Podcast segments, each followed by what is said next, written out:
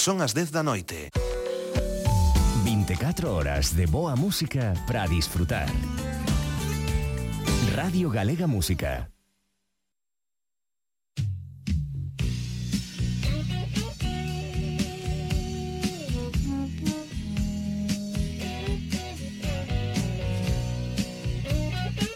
Cara B, con Manuel de Lorenzo. La casa al bisonte termina.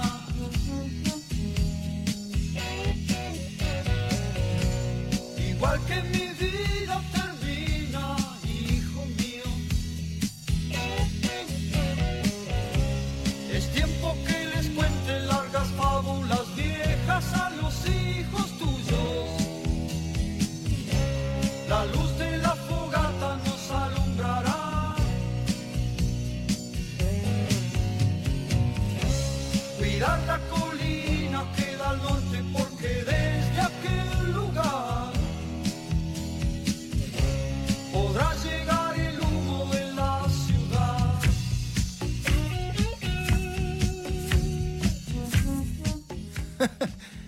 E que é abraiante o parecido, eh?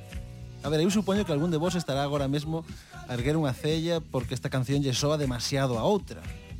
Imagino que moitos estades a pensar que o parecido desta canción cun tema coñecidísimo do pop español dos anos 80 non é normal. Música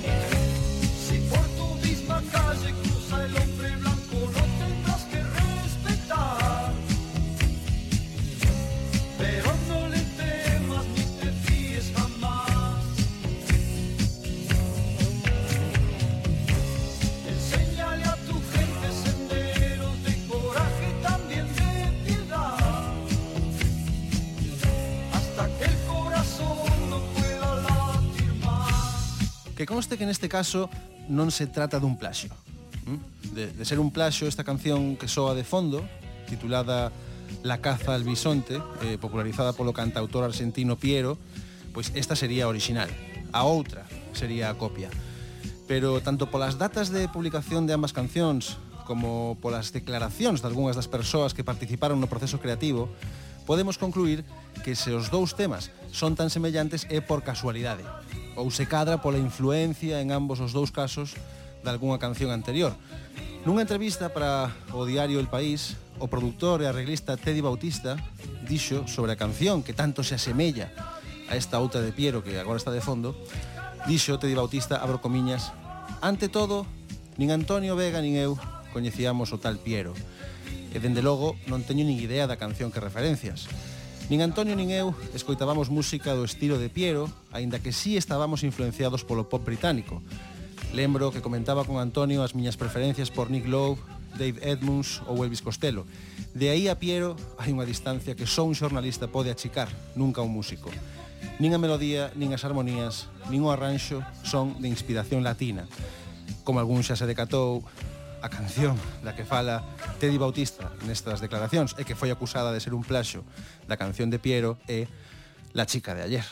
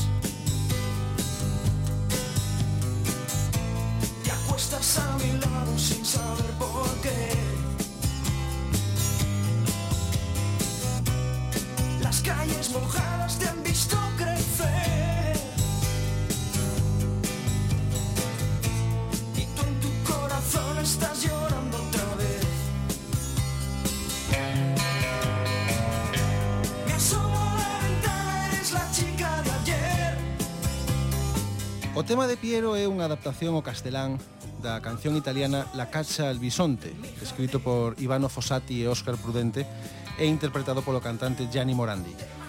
Ese tema foi publicado no ano 1975 e a adaptación de Piero saiu a luz un ano máis tarde, en 1976, polo que a canción de Antonio Vega, La chica de ayer, sí que podría estar inspirada nesa versión de Piero, xa que O disco de Nacha Pop onde aparece La chica de ayer é de 1980, 4 anos despois da publicación deste tema de Piero. O que pasa é que hai moitas razóns para pensar que Nacho Vega, perdón, que Antonio Vega non coñecía esa canción.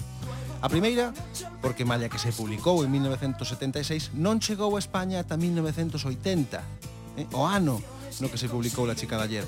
Polo que nese momento Antonio Vega xa tiña escrita a súa, a súa canción.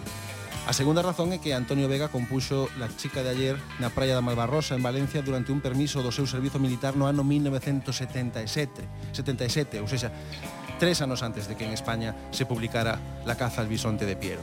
E o terceiro motivo, polo que non é un plaxo, é que, como comentaba o produtor de La chica de ayer, Teddy Bautista, Antonio Vega ignoraba a existencia do tal Piero, pero tampouco o coñecía o propio Teddy, que foi quen escribiu eses arranxos da canción que tanto se asemellan a de Piero. Estamos, polo tanto, ante un caso de semellanza abrallante, pero non se trata dun caso de plaxo. Te asomo a la ventana, eres la chica de ayer Demasiado tarde para comprender Sen embargo, hai outros casos onde esa semellanza responde a outro motivo un motivo que non é a coincidencia, senón a copia. Non é a casualidade, é o roubo. Pero este roubo, eh, moito ollo pode ser consciente ou non. E iso é moi importante. Non é o mesmo plaxear un tema deliberadamente sabendo que estás a presentar como unha creación túa, unha obra que non compuxeches ti, eh, non é o mesmo como digo que publicar unha canción que foi escrita por outro, pero porque ti estabas convencida convencido de que era túa, non? Unha canción que foi escrita por outro, pero ti crees que é túa. Non é o mesmo. E eses dous casos imos adicar o programa de hoxe, o plaxo inconsciente e o plaxo consciente. E como neste programa, ademais de escoitar boas cancións, o que nos gusta é contar historias interesantes, ben curiosas, relacionadas coa historia da música, pero que non moita xente coñeza, o que imos facer hoxe é poñer un exemplo dun artista mítico que roubou unha canción sen darse conta, crendo que en realidade era súa, e outro artista mítico que roubou un, bo, un bofeixe de, de cancións, un bofeixe de ideas ás avendas, non? En ambos os dous casos, eh, non son eu quen di que o plaxio foi consciente ou inconsciente, senón un xuiz. Non queremos meternos en líos. Hoxe imos contar a historia de como George Harrison foi acusado e condenado porque unha das súas cancións máis coñecidas resultou ser exactamente igual que outra publicada moitos anos antes, malia que el pensou que aquela melodía se lle ocorrera a él, E a historia tamén de como Jimmy Page foi acusado e condenado de coller cancións de outros, especialmente cando os autores xa non vivían e non se podían defender, acusado eh, de cambiarlles o título a esas cancións e de incluílas nos discos de Led Zeppelin como se foran da súa autoría, non? con toda a cara do mundo, increíble. Así que esa é a nosa proposta de hoxe. As dúas caras da moeda do plaxio. Quedade con nós porque eu penso que ambas historias prometen. Eu son Manuel de Lorenzo e aquí comeza Cara B.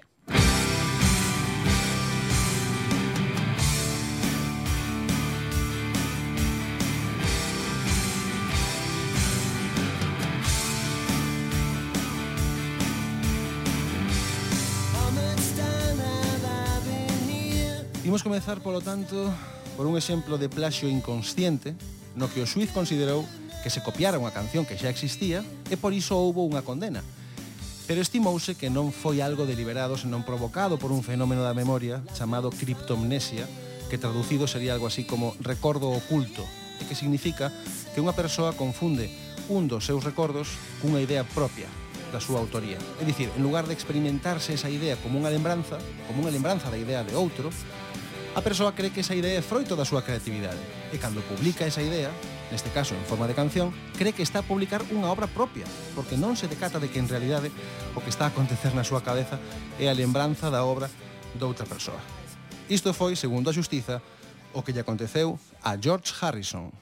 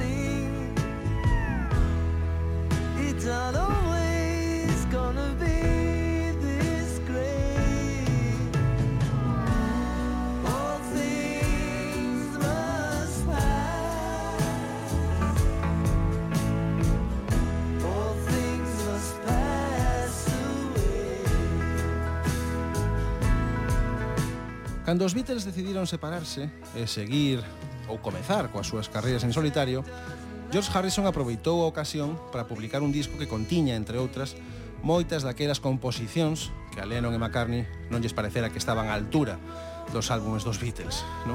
É certo que neses discos aparecían cancións increíbles como Something, While My Guitar Gently Weeps ou Here Comes the Sun, pero eh, moitas outras quedaron fora porque Lennon e McCartney, insisto, basicamente pensaban que as súas cancións eran mellores e polo tanto merecían ocupar un oco no disco antes que as cancións de, de Harrison.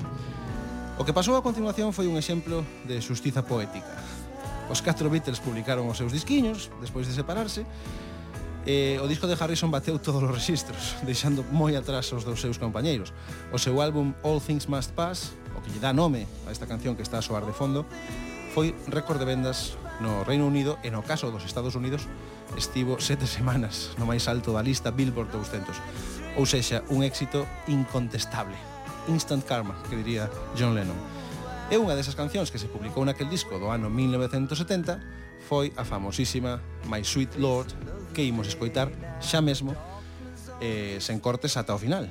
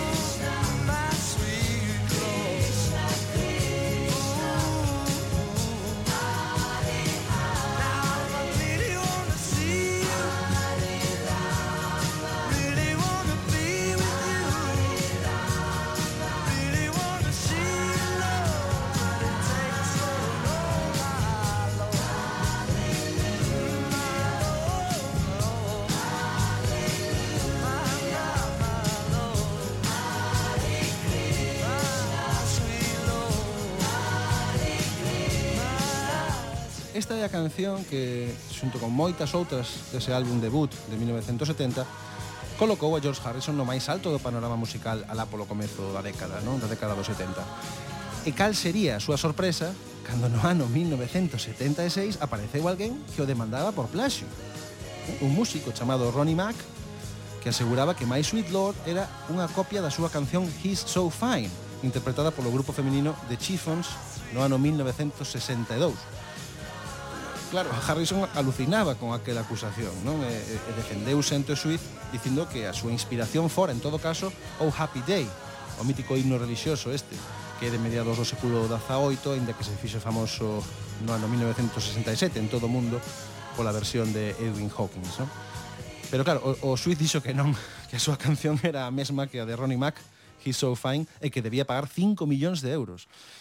É certo que se considerou aquel eh, como dixemos, un caso de plaxo inconsciente, pero o ex Beatle ainda así tocaballe pagar, non? Porque a realidade é que ambas cancións eh, son cuspidiñas consciente ou inconscientemente son cuspidiñas, non?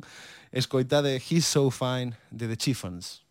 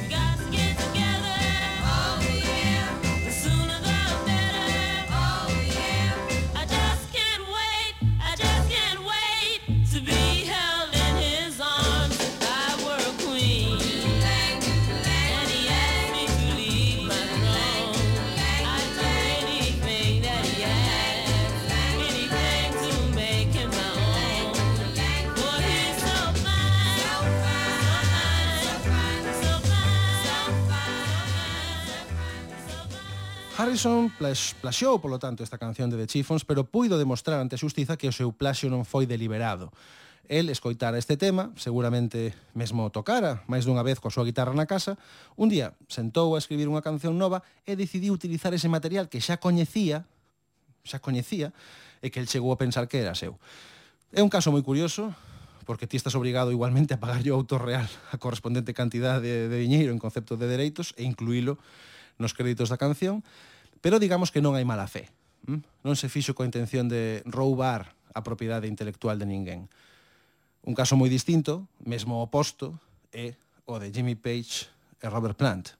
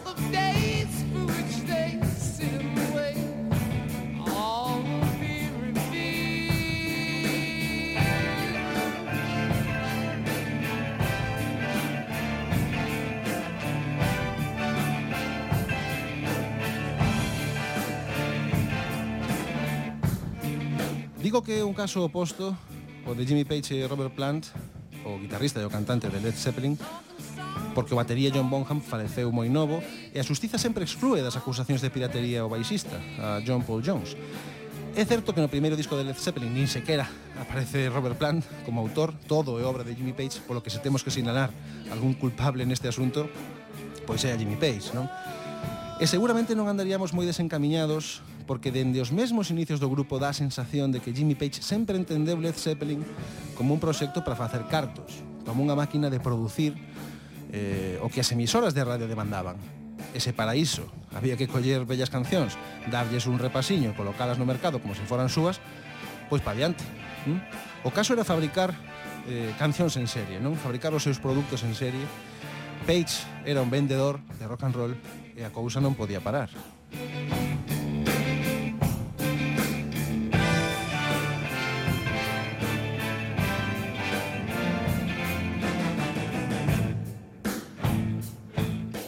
Para comezar está o asunto do nome porque ata iso é algo do que os Led Zeppelin medio se apropiaron, non?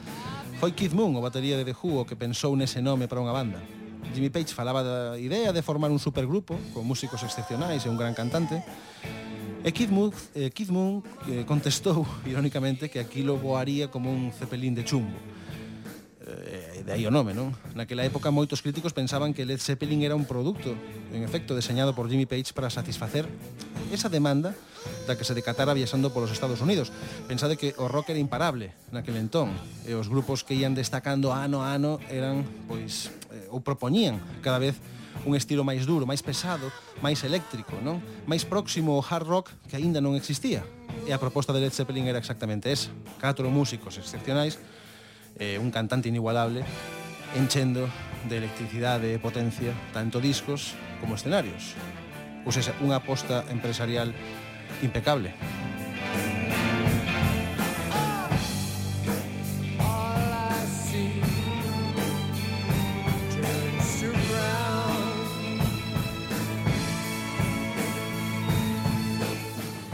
O que pasa é que, claro, unha vez tes o grupo é preciso facer as cancións eh, ter cancións propias, non? Do contrario, Led Zeppelin non pasaría de ser un grupo de versións. E, e aínda que en moitos casos tratábanse de composicións orixinais, en outros casos o grupo tocaba estándares de blues sobre os que Robert Plant improvisaba unha melodía, ás veces a, a Jimmy Page íese llaman coa inspiración e apropiábase de ideas que non eran del. Porque se aquilo ía de publicar discos, eses discos había que encheros con música. E cando as cancións non se te ocorren a ti, pois a única posibilidade que che queda é botar man das cancións dos demais.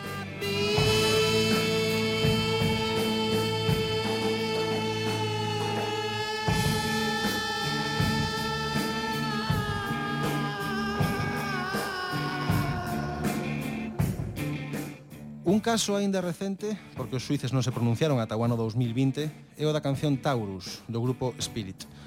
Ao final do programa aclararei que aconteceu con esta canción, se a xustiza considerou que se trataba dun plaxio ou non, pero vos pensade un momento nos arpexos de guitarra de Stairway to Heaven, de Led Zeppelin, e agora escoita desta canción. Fixadevos nas guitarras, a ver se vos lembran de algún xeito a esa outra canción tan famosa de Jimmy Page e Robert Plant. Música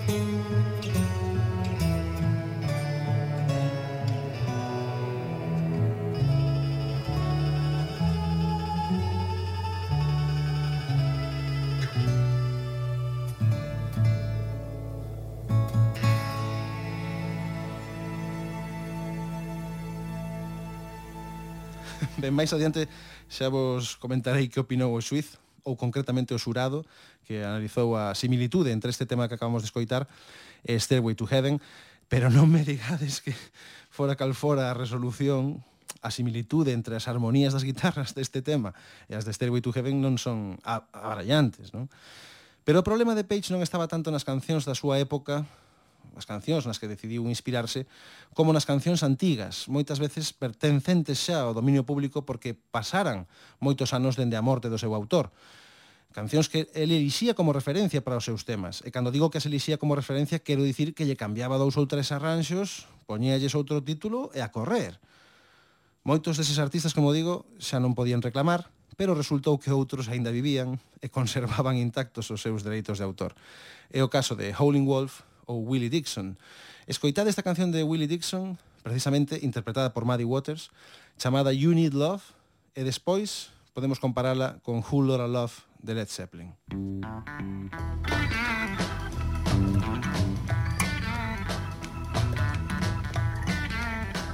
You got and I got. Baby, you look so sweet and cunning. Baby, way down inside. Woman, you need love. Woman, you need love. You got to have some love. I'm gonna give you some love. I know you need love. Just got to have love. You got to have some love. You make me feel so good. You make me feel alright. You make me feel so good. Make me feel alright. You make me feel so good. You make me feel alright. She's so nice, so nice. She's so nice, so nice. She's so nice, so nice. She's so nice, so nice. You are fretting, and I am petting. Lot of good things, oh, you ain't getting. Baby, way down inside. Woman, you need love. I know you need love. You just gotta have some love.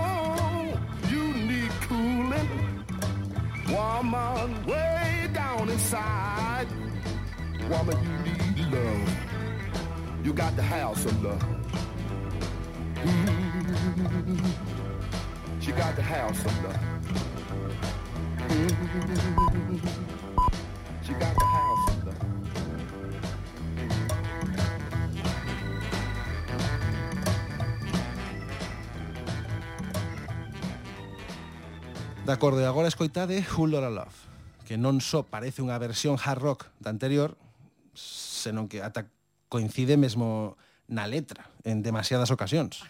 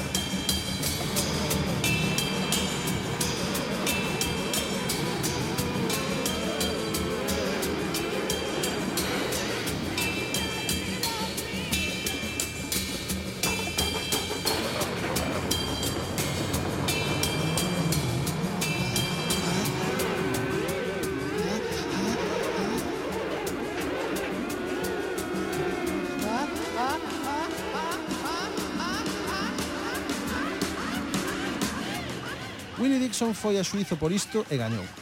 Levou unha indemnización millonaria e ademais eh, dende ese día aparecen os créditos da canción.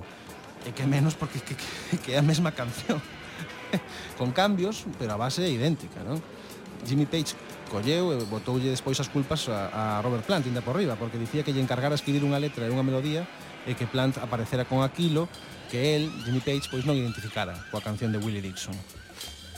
Nese momento, co seu segundo disco, eh, os outros membros do grupo xa aparecían, eh, ás veces como coautores. Menos mal, porque no primeiro disco de Led Zeppelin os temas non só eh, eran de Page, senón que ademais el quedaba coa metade dos cartos e os outros tres, e máis o representante dividían o resto.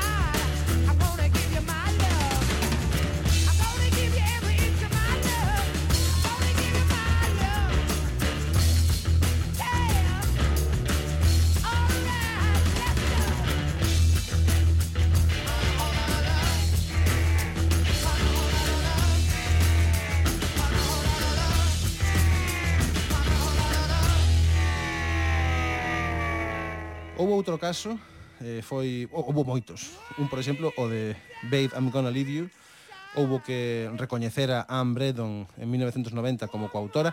E outro caso que chama moito atención foi o de Dazed and Confused, que no que houbo que recoñecer eh, que a canción estaba inspirada nun tema de Jake Holmes chamado tamén Dazed and Confused, que é prácticamente igual. Música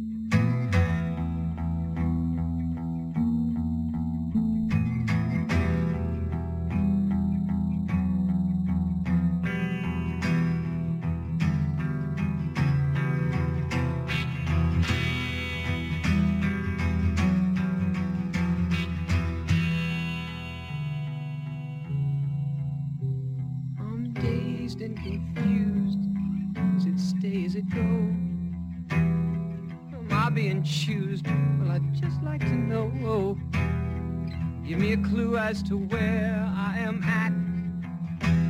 Feel like a mouse and you act like a cat.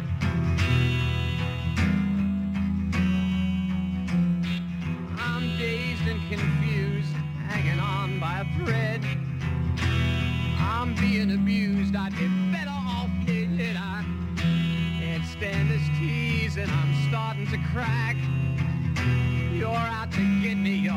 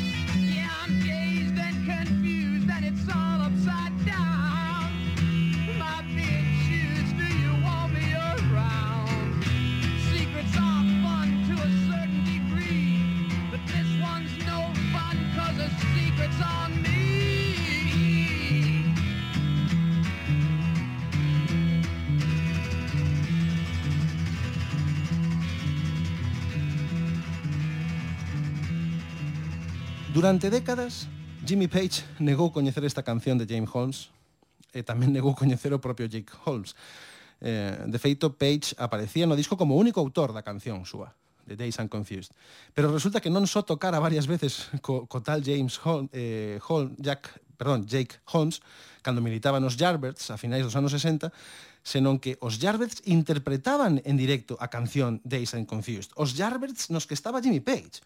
En algunha ocasión, tocaron a canción co propio Jake Holmes no escenario cantando con eles o seu tema.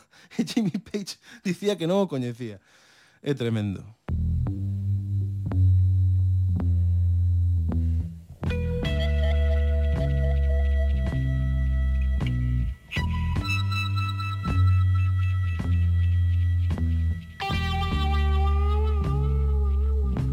Been dazed and confused for so long, it's not true.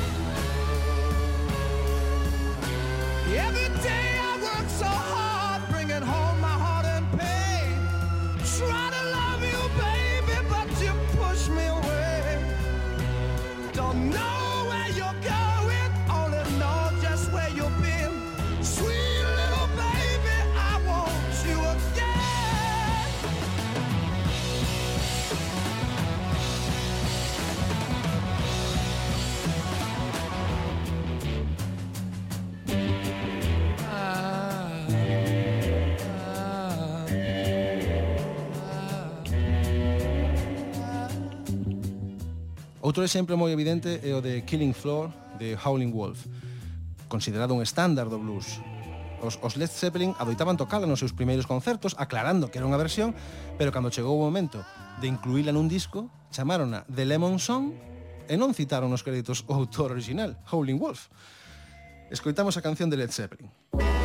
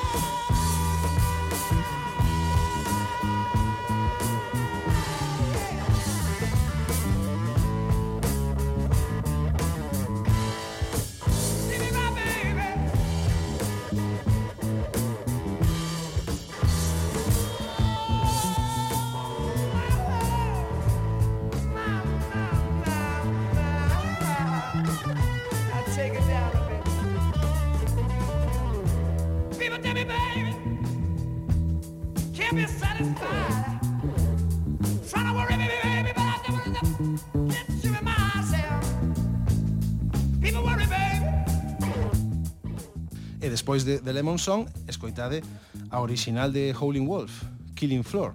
É a mesma letra, é a mesma melodía, é a mesma armonía, pero en vez de dous tempos por verso, só ten un, dando a sensación de que o tema vai un pouco máis rápido.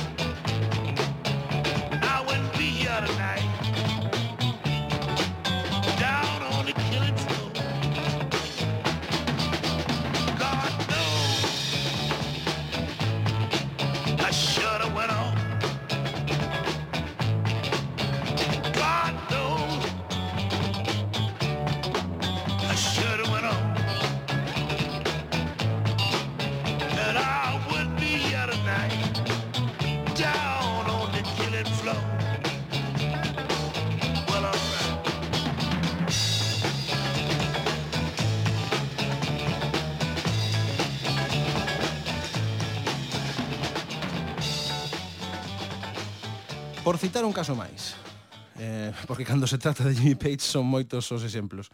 Vou poñer agora a canción de folk Black Waterside de Bert Jans.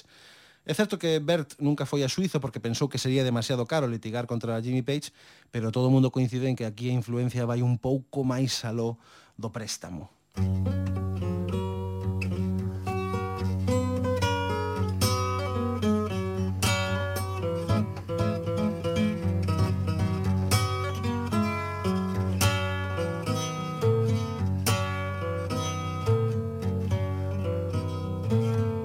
morning fair, I took the air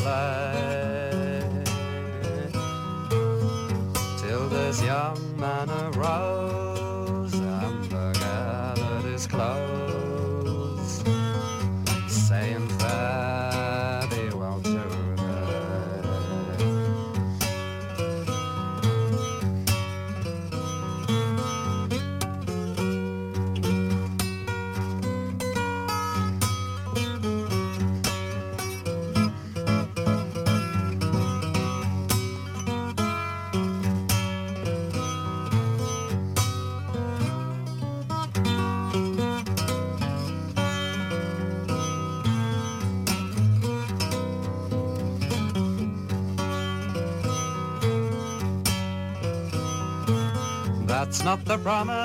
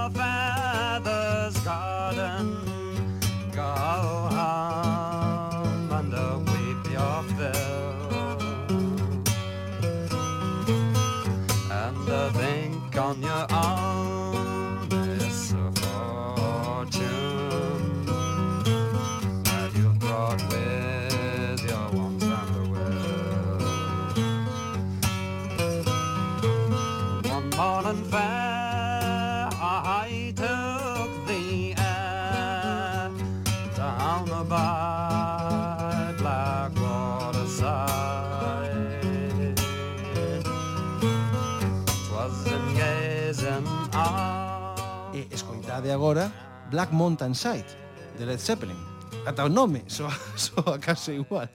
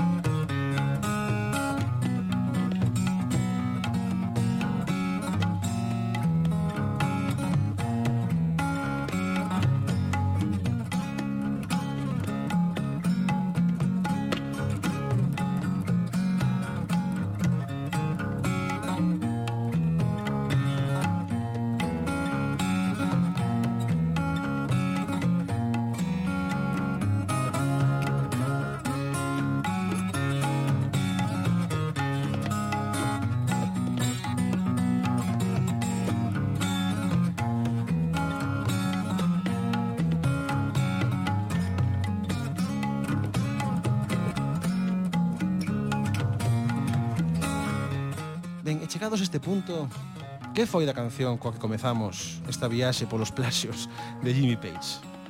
Que foi aquel tema chamado Taurus, do grupo Spirit, que tanto se, se asemellaba a Stairway to Heaven?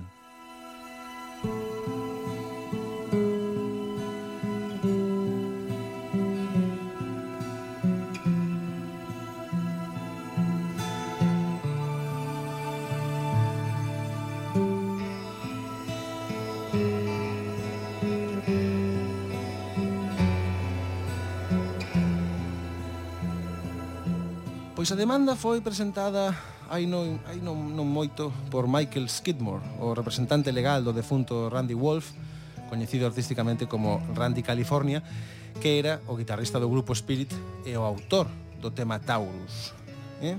Randy faleceu os 45 anos mentre facía surf en Hawái tentando salvar o seu fillo que se estaba a afogar e era un músico moi coñecido na escena roqueira estadounidense eh, e facía xa moitos anos que os representantes legais do músico denunciaban este roubo por parte de Jimmy Page. Este home, Michael Skidmore, o seu representante, sostiña que Jimmy Page puido inspirarse eh, para compoñer Stairway to Heaven na canción Taurus de Spirit mentre se escoitaba este tema en directo interpretado polo propio grupo Spirit, xa que ambas bandas estiveran xuntas de xira nos anos 1968 e 1969. E coñecendo a Jimmy Page, non me extrañaría nada que collera algo que non era del e o fixera pasar por propio, non? Os seus defensores sostiveron no suizo que Randy California naquela época era un músico de alugueiro e que, por lo tanto, dificilmente podía tratarse o asunto como unha reivindicación de dereitos de autor e engadían ademais que os acordes, motivo da demanda, eran tan coñecidos e tan usados moitas veces na historia do rock e, polo tanto, eh, non requerían ningún tipo de copyright. E que pasou? Pois que o xurado colleu e deulles a razón eh, por nove votos contra dous. Estamos a falar dunha demanda millonaria, xa que Stairway to Heaven é unha das cancións máis famosas e máis radiadas de todos os tempos. Pero eses cartos, neste caso, é malia que a min. Eh, personalmente, parece-me increíble, quedaron no peto de Jimmy Page e Robert Plant.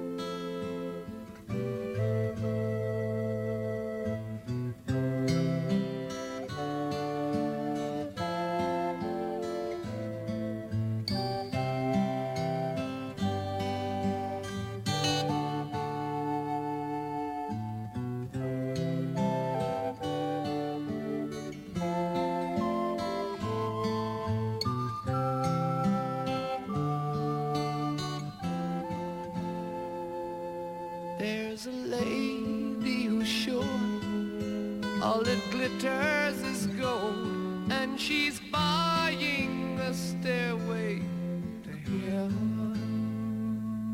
When she gets there, she knows if the stores are all closed. With a word, she can get what she came for. E nada máis, ata aquí o programa de hoxe sobre esas dúas caras da moeda do plaxo. A deliberada, e a involuntaria. Ata aquí este episodio de Cara B, no que, como sempre, amosamos vos ese lado menos coñecido da historia da música, a parte de atrás das cancións de sempre, a cara oculta da banda sonora das nosas vidas, non? Espero que disfrutarades tanto como a nós e agardamos por todos e por todas a vindeira semana nunha nova entrega de Cara B. Cuidadevos moito. Cara B, con Manuel de Lorenzo. Sometimes all of our thoughts